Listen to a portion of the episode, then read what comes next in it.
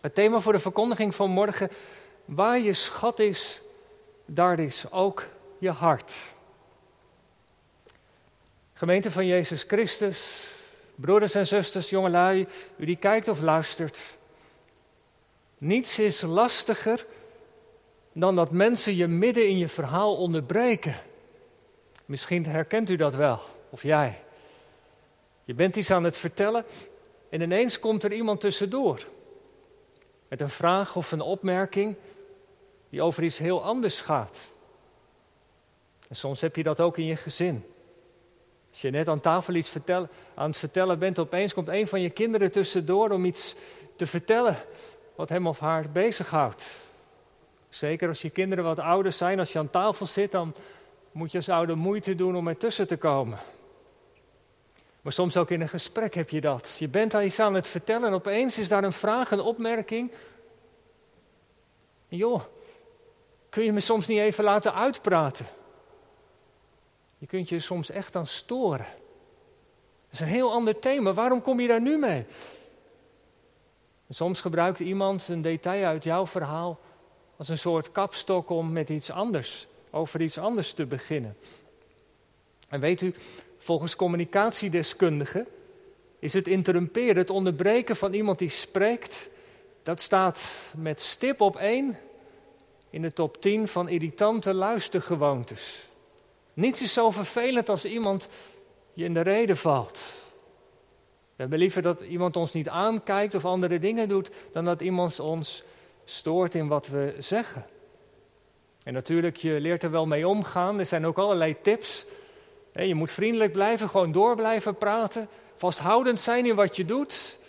Geen pauzes laten, zodat anderen zomaar over iets anders kunnen beginnen. Maar lastig is het wel, toch?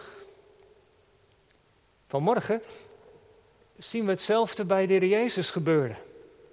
Lucas vertelt dat Jezus onderwijs geeft. Er zijn duizenden mensen, zo lezen we in vers 1, naar hem toegekomen. Is een massabijeenkomst. Nog veel meer mensen dan hier in de kerk kunnen. En zijn discipelen zijn erbij, ze zitten naast Jezus ook te luisteren. En midden in zijn betoog, midden in zijn preek, wordt hij ineens onderbroken door iemand uit de menigte. die stelt hem een vraag. En die vraag heeft helemaal niets met het onderwijs van, van Jezus te maken. Hoe irritant kan dat zijn? Hoe onbeleefd eigenlijk? En de vraag van de man, zo vertelt Lucas, gaat over een onderwerp dat hem erg bezighoudt, de erfenis. Er is gedoe met zijn broer daarover. En hoewel het onbehoorlijk is dat hij Jezus onderbreekt, kunnen we ons daar denk ik wel iets bij voorstellen. Het is een onderwerp dat helaas vaak in families tot veel gedoe leidt. Als het gaat over de nalatenschap van je ouders, de dingen die dan onder de kinderen verdeeld moeten worden, vaak een heel emotioneel gebeuren. En als daar dan ruzie of oneenigheid over bij komt kijken, dat je graag dat ene wil hebben, die ander wil het ook, en je komt er samen niet uit, dan hakt dat er diep in. Het zou zomaar kunnen dat u of jij dat ook hebt meegemaakt.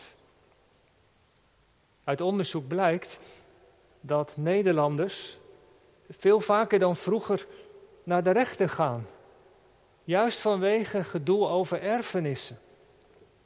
Uit een enquête uit het netwerk van notarissen blijkt dat meer dan de helft van de mensen die ondervraagd werden geen contact meer hebben met één of meerdere familieleden. En in de helft van de gevallen had dat te maken met erfenis en gedoe daarover. En het aantal stijgt, schijnt. De man die Jezus in zijn preek onderbreekt, wil zijn hulp. Zeg tegen mijn broer dat hij de erfenis ook met mij deelt. En hij vraagt of Jezus zich ermee wil bemoeien. Nou, dat is een gevaarlijke vraag. Want voordat je het weet, word je meegezogen in een conflict. Word je gedwongen om partij te kiezen voor de een of voor de ander. En we lezen dat Jezus dat niet doet. Het is niet aan mij om daarover te oordelen. Als er een situatie is van de erfenis, dan moeten jullie dat als familie op, oplossen. En als dat niet lukt, ga dan naar de oudste van het dorp of van de stad, van de synagoge. en vraag hen om hulp. Ik ben geen rechter over deze zaak. En nu zou de Heer Jezus zijn betoog, zijn preek weer kunnen oppakken. Hij zou weer kunnen verder gaan waar hij gebleven is. Maar dat doet hij niet. Waarom niet? Jezus kijkt dieper. Hij ziet in wat die man aan hem vraagt een dieper probleem. Een probleem dat hij wel moet adresseren. Want de man vraagt aan Jezus niet om een probleem op te lossen.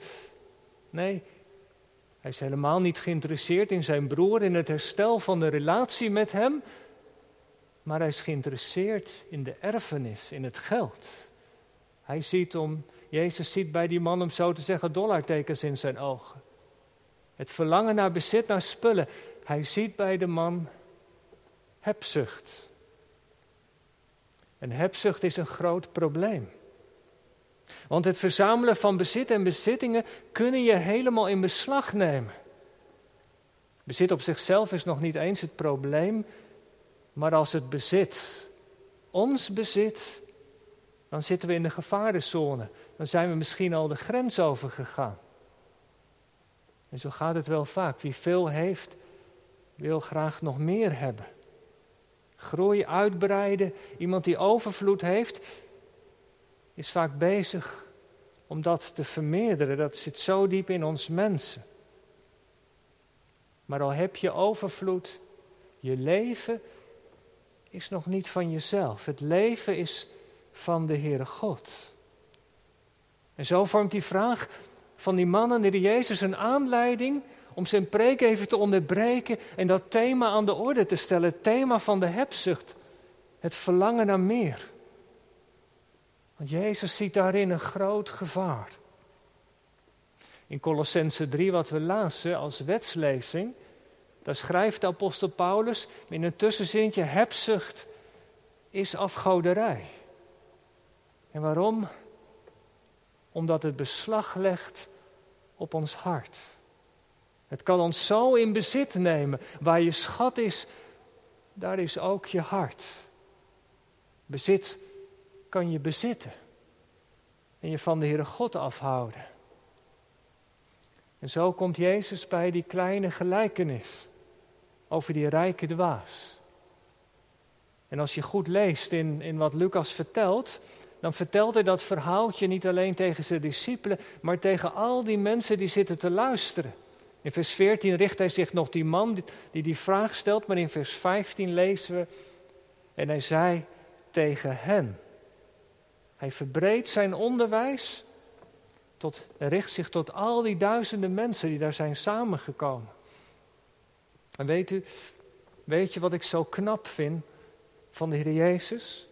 Dat hij in dit kleine verhaaltje allerlei thema's daarmee verbindt, laat terugkomen van het onderwijs dat hij geeft. Want in het gedeelte dat gelijk erop volgt, is de Jezus aan het vertellen over dat wij mensen eerst het koninkrijk van God moeten zoeken. Dat er in ons leven dingen moeten zijn die absolute prioriteit hebben. Nou, daar gaat dit verhaaltje ook over. En dan vertelt hij over de wederkomst, dat, dat het zomaar over, heeft dit over waakzaam zijn, dat je niet weet wanneer je sterft of wanneer Jezus terugkomt. En ben je daar dan klaar voor? Nou, ook dat zit in dit verhaaltje. Al deze thema's, die klinken mee. wat zegt Jezus eigenlijk in deze gelijkenis? Nou ja, het verhaal is uh, wel snel verteld en we zien het allemaal voor onze ogen gebeuren. Het is een goed jaar geweest voor de boer. De akkers hebben veel opgebracht. Het weer zat mee, het economisch klimaat was gunstig. Hij moest er wel hard voor werken, maar het resultaat was er dan ook naar. Maar de kleine schuren zitten alweer aan hun maximum. Wil hij groeien, moet hij uitbouwen, uitbreiden, investeren, materialen kopen. En als alles gunstig blijft, moet dat geen probleem zijn. En hij doet er nog een schepje bovenop. We zien het voor ons. Hij maakt overuren. Het werk vordert. En het lukt. Om net voor de oogst alles weer klaar te hebben. Wat zal die daar een profijt van hebben? Je ziet hem glunderen. Nog even doorbijten, even afzien, een schepje erbovenop. Nog wat langer doorwerken en dan. Er zal vast wel een dag komen waarop hij rust heeft en van alles kan gaan genieten. Werk hard, doe je best, God doet de rest. En zo gaat hij verder. Maar de dag om te genieten, die komt er niet. Want midden in al zijn plannen en projecten sterft de man. En ineens komt er een streep door al zijn plannen. God vraagt het leven dat hij aan de man gaf terug. En zo staat het er ook in het Grieks. Het Griekse woordje wat Lucas daar gebruikt betekent het terugvorderen van een lening. God heeft iets aan ons geleend, dat is ons leven. Geleend goed. En er komt een dag dat hij dat weer terugvraagt, terugvordert. Hoe dwaas kun je zijn, zegt Jezus. Wat baat het een mens als hij de hele wereld wint, maar schade leidt aan zijn ziel? Kijk, als je het verhaaltje onbevangen leest, zou je natuurlijk ook nog wat anders kunnen denken. Misschien is dat ook wel een gedachte die u of jij hebt. Wat doet die man eigenlijk verkeerd? Ik herken me wel in hem. Hij is toch een ondernemer. Hij heeft gewoon goed geboord. Natuurlijk ook wel geluk gehad, dat moet hij wel toegeven, maar het is niet alleen zijn eigen verdienste, maar toch. De ene boer haalt nu eenmaal meer van de nectare dan een andere. Hij heeft het gewoon in de vingers. En als de zaken goed gaan, wat is er dan op tegen om uit te breiden? Dan gebruik je toch ook je gaven en talenten. Niet iedereen heeft dat, maar ondernemers wel. Dat zit gewoon in ze. Je, je bouwt je bedrijf, je breidt het uit en er zijn uitdagingen, mogelijkheden, deuren gaan open, het floreert. Wat is daar nou eigenlijk mis mee? Niks toch? Als, de zaken, als je zakenmens bent, als je een bedrijf hebt of een onderneming of een ZZP'er, je denkt aan de toekomst, je wil graag vooruitkomen. Dat zit in ons mensen, dat, ja, daar bid je voor. En soms wil de Heer dat ook zegenen. En als je personeel hebt, je wilt het beste voor ze. En voor de toekomst van de onderneming zet je je in. En gemeente, dat is ook niet verkeerd. Woekeren met je talenten, goed je best doen, je zaak uitbouwen, vooruitkijken, plannen. Ondernemen is vooruitzien, dat mag allemaal. Onder de zegen van God. Zeker. En toch noemt God en dat is trouwens opvallend in deze gelijkenis. Het gebeurt niet zo vaak. God zelf spreekt. God zegt tegen deze man: Je bent een dwaas. En dwaas in de Bijbel betekent niet dat je dom bent. Nee. Iemands denken en handelen kan geweldig intelligent zijn. Dat is deze man ook. Maar toch kun je dwaas zijn. Wat bedoelt God daarmee? Wat wil Jezus daarmee zeggen? Mag ik het misschien wat dichterbij brengen vanmorgen? Ik probeer me voor te stellen hoe het is om als dominee bij de vrouw van deze man langs te gaan. Haar man is net gestorven. Ze is nog helemaal in shock. Dit is wat ze totaal niet verwacht had. Hij was kerngezond. Wat, wat moet ik doen nu? Ik heb geen idee wat er allemaal op me afkomt. We hebben samen nooit over gesproken, dominee. Was altijd bezig. Hij had zoveel plannen en ideeën. En ik luister naar wat ze allemaal vertelt. Over haar man, haar kinderen, het bedrijf. En ja, dan komt ook het moment om het hebben, te hebben over de begrafenis. Een emotioneel moment. Ik heb een man een paar keer ontmoet. Ik kan er in de dienst wel iets over vertellen. Maar, maar wie is hij eigenlijk verder?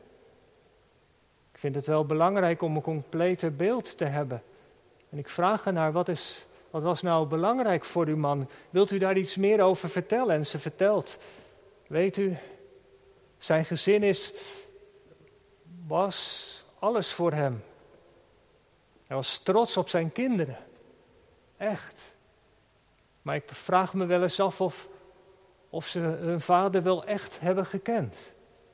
Hij had het altijd over ze. Zijn portemonnee zat vol met foto's van ze. En wat deed hij met zijn tijd, vraag ik? Nou, hij was wel altijd heel druk. Een bezig baasje. Het bedrijf groeide en had al zijn aandacht. En ik moet eerlijk zeggen dat ik het hem niet gemakkelijk heb gemaakt. Ik vroeg hem vaak wanneer, wanneer hij nu eens zou stoppen. Meer tijd zou hebben voor mij en voor ons gezin. En weet u, zei hij altijd zoiets als van, weet je, echt, het komt goed, morgen, spoedig. Ik moet nog even dit doen en dan, ja echt hoor, ik beloof het je. En weet u, dat meende hij echt. Gemeente, waarom ben je dwaas als je leeft als deze man? Wat wil Jezus ons duidelijk maken vanmorgen? Nou, ik zie drie dingen. En het eerste is dit. Leef niet voor jezelf. Kijk nog eens goed naar dat verhaaltje. Ik heb het in het A4'tje wat in de app staat ook onderstreept. In de versen 17, 18 en 19. Hoe vaak je daar het woordje ik tegenkomt. Zes keer. En mijn. Drie keer. Op een of andere manier is deze man helemaal met zichzelf bezig. Egocentrisch. Het centreert rond, rond hemzelf. Zijn eigen plannen. En het Griekse woordje, hij, hij is in overleg. Dat Griekse woordje dialogizomai, dat is overleg met anderen, maar hij is alleen maar overleg met zichzelf. Ja, zijn gedrevenheid heeft hem tot grote hoogte gestuurd. Maar hij is bezig met zijn eigen plannen, met zijn eigen ambitie. Hij is doof voor de stem van anderen. Doof ook voor de stem van God. En als hij sterft, is er bijna niemand die naar hem omziet. Moet je maar eens even kijken naar vers 20. Daar zegt God, dwaas. In deze nacht zal men uw ziel van u opeisen. God zal zijn ziel opeisen. En wat u gereed gemaakt hebt, uw spullen, uw schuur, uw bedrijf. Voor wie zal het zijn? En dat is wat hebzucht met mensen doet. Niet alleen dat ze onuitstaanbaar zijn, maar dat ze eenzaam zijn. En wie staan er dan bij je graf? En wat wordt er over je gezegd? Was jij iemand die, die ook voor anderen klaar stond? Konden mensen op jou, op u, op mij rekenen? Of moest alles wijken voor, voor, voor mijn plannen en ambities? Als dat zo is, wat ben je dan arm, zegt Jezus. En het tweede, geven maakt rijk. Als de Jezus deze gelijkenis vertelt, dan doet hij dat in de tijd waar er heel veel armoede was. Schrijnende armoede. En een paar mensen hadden heel veel bezit. En je komt ze in de gelijkenissen van de Jezus vaak tegen. De armen, de weduwen, de mensen die kwetsbaar zijn. Maar wat is nou het punt? Als je rijk bent, door God gezegend, heb je een grote verantwoordelijkheid. Mogen anderen delen in de zegen die je van de Heer hebt ontvangen? Of houd je alles voor jezelf en je eigen gezin, als je dat hebt? Je huis, je geld, je vakantiewoning, je auto, je tijd. Mogen daar mensen profijt van hebben? Mensen die misschien aan veel dingen gebrek hebben, mogen zij daar ook van genieten? Of zou je de winst van je bedrijf ook kunnen investeren in het koninkrijk van God? Goede doelen of in de kerk? Jezus houdt met deze gelijkenis ons allemaal een spiegel voor. Wij zijn rijk met elkaar. Maar in plaats van, van te verzamelen, te graaien en alles stevig in onze handen te houden, durven we die handen ook te openen. Naar onze buren, aan die collega die alleen is, de mens die het nodig heeft. Jezus zegt, dwaas ben je als je dat niet doet. En dan het derde. Ik denk het allerbelangrijkste. Vergeet je ziel niet. Je kunt alles hebben wat je hart je begeert. En er zijn zoveel dingen, zeg nou zelf, die ons hart in beslag kunnen nemen, die ons kunnen bekoren, die ons kunnen fascineren. Er zijn zoveel dingen. Maar als je God niet hebt, ben je straatarm. Wat baat het een mens als je de hele wereld wint? Nog een keer het woord van Jezus. Maar schade leidt aan je ziel. Dat kan gebeuren. Of hier in de gelijkenis zegt Jezus: Dwaas ben je als je voor jezelf, let even op dat woordje jezelf, schatten verzamelt hier op aarde. En je niet rijk bent in God. Jezus zegt: Als God niet je schat is, als Jezus niet die paal is van grote waarde waar je leven op gericht is, dan ben je arm. Als je in je leven de omgang met de Heer verwaarloost, dan ben je niet rijk in God. Dan sta je met lege handen. En kijk, daar is het Heer Jezus om te doen vanmorgen. En apostel Paulus heeft dat zo goed begrepen. Jezus gaat die weg naar Jeruzalem. Hij zegt, hij was rijk, hij had alles wat hij bezat. Maar hij legde het af en werd straatarm om ons rijk te maken in God. Dat is de weg die Jezus gaat. In deze lijdenstijd staan we daarbij stil dat Hij arm werd om ons rijk te maken in God. Wat is dat rijk in God? Dat de band met de Jezus door het geloof, de omgang met de Heer, het allerbelangrijkste in je leven is. En hoe is dat bij jou? Hoe is dat bij u? Rijk in God. Dat is de overvloed en genade. De overvloed van genade en liefde die vanuit Gods vaderhart naar ons toestroomt. Dat is de niet aflatende zorg van God voor ons leven. Dat is zijn vergeving als het weer een keer mis is gegaan. Dat is de genade waarmee Hij ons opricht. Dat is de kracht die ons geeft om het vol te houden. En zoveel meer. God heeft zoveel om aan ons te geven. Hij is zo rijk. Maar we hebben wel, we kunnen alleen maar ontvangen als onze handen open zijn, als ons bezit ons niet bezit. En daar wilde de Jezus ons toe uitnodigen vanmorgen. En hij zegt het. Je kunt zo druk zijn met van alles en nog wat. Kom bij mij die vermoeid en belast zijn. Laat alle stress en zorg maar aan de voet van het kruis. Ik zal je rust geven. Mijn genade is genoeg. En die kleine gelijkenis vertelt de Jezus vanmorgen om ons te waarschuwen. Dat ook. Deze tijd van corona. Laten we die benutten. Deze crisistijd. Om te investeren in dat wat blijft. De band met de Heer Jezus. Want alleen als we verbonden zijn met Hem door het geloof, zullen we leven. Besef je dat? Wie de Zoon heeft, die heeft het leven in al zijn volheid. Maar wie de Zoon niet heeft, heeft het leven niet. En dus Jezus de weg naar het kruis gegaan om ons rijk te maken in God. Besef je dat? Dat Hij die weg wilde gaan voor jou, voor u. Dat Hij de prijs betaalt het oordeel van God heeft verdraag, gedragen om ons rijk te maken in God. Laten wij daarom de dingen van boven zoeken, waar Christus is. En je zult rijk zijn in God. En weet, weet u, weet je wat het geheim is? Als je rijk bent in God, heb je meer dan genoeg om aan anderen te kunnen delen. Aan de mensen die Hij op je weg plaatst. Ik eindig. U begon de preek. Niets is zo irritant als mensen je onderbreken als je iets aan het vertellen bent. Maar mag de Heer Jezus u en jou en mij onderbreken vanmorgen? Is het ons ook om Hem te doen? Waar je schat is, daar zal ook je hart zijn. Wie met de Heer Jezus leeft, die is rijk in God.